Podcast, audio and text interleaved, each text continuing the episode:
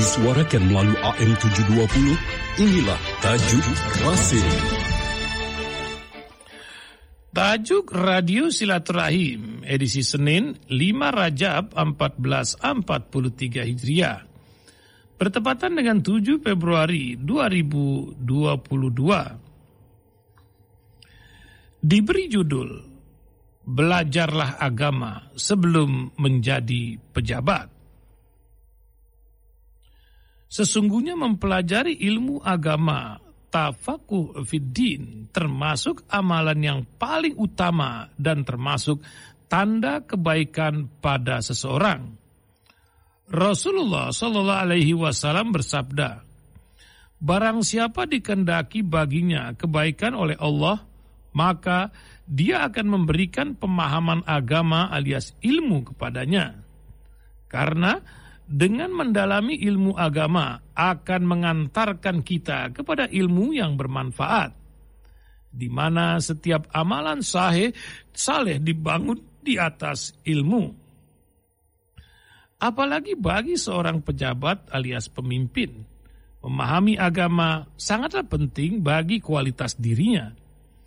Karena pejabat yang memahami agama akan mengambil keputusan yang berpihak pada kebenaran yang menimbulkan maslahat, bukan berpihak pada kebatilan yang menimbulkan mudarat. Pemimpin adalah teladan bagi yang dipimpin. Sebagai teladan tentu setiap perilakunya harus sesuai dengan tuntunan Allah Subhanahu wa taala dan Rasulnya sallallahu alaihi wasallam. Ia harus memiliki ilmu. Dalam hal ini adalah ilmu syariat. Agar orang-orang yang dipimpinnya bisa hidup dengan aman sentosa. Ilmu agama adalah satu hal yang harus menjadi perhatian khusus bagi setiap pemimpin atau pejabat di negeri ini. Setelah ia beriman kepada Allah dan Rasulnya, teringat mutiara mutiara nasihat yang diriwayatkan dari Sayyidina Umar bin Khattab radhiyallahu anhu.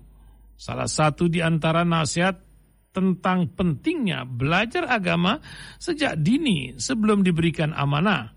Sayyidina Umar bin Khattab berkata, Tafakuha, belajar belajarlah agama sebelum kalian menjadi pejabat, pemimpin.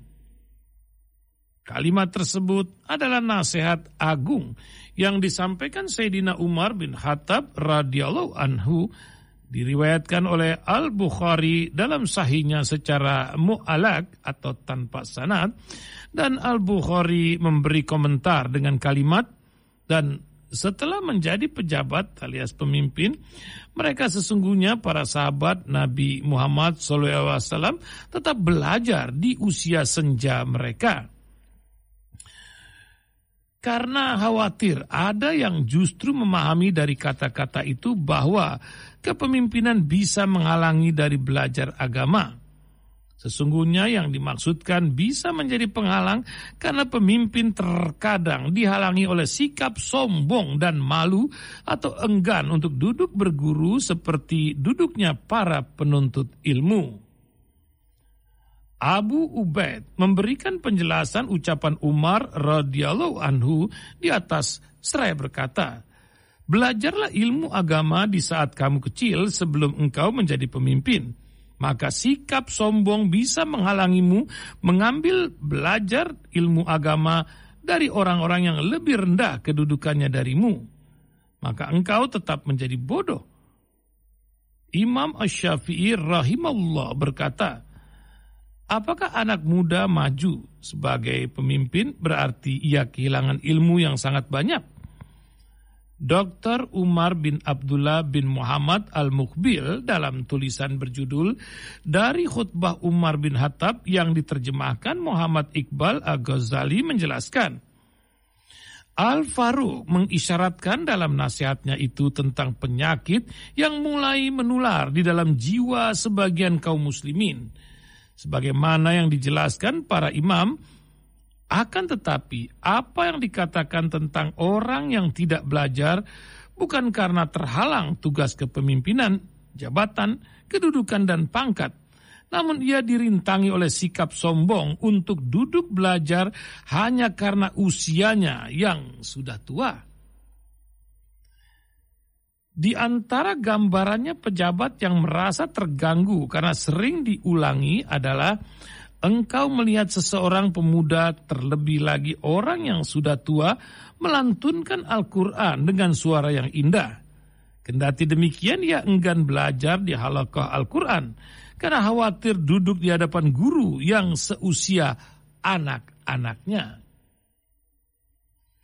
Sesungguhnya dalam belajar memperdalam Islam, para sahabat Nabi merupakan suri toladan yang harus diikuti. Seperti yang dikatakan Al-Bukhari. Sesungguhnya di antara yang menyebabkan kehinaan seorang laki-laki adalah kerelaannya dengan kebodohannya tanpa persoalan agama yang dibutuhkannya. Lalu ia tidak belajar dan tidak bertanya kepada orang berilmu tentang hal itu. Jangan sampai umat Islam ini dipimpin oleh pemimpin atau pejabat yang tidak memaklumi ilmu agama, tidak memahami ilmu agama.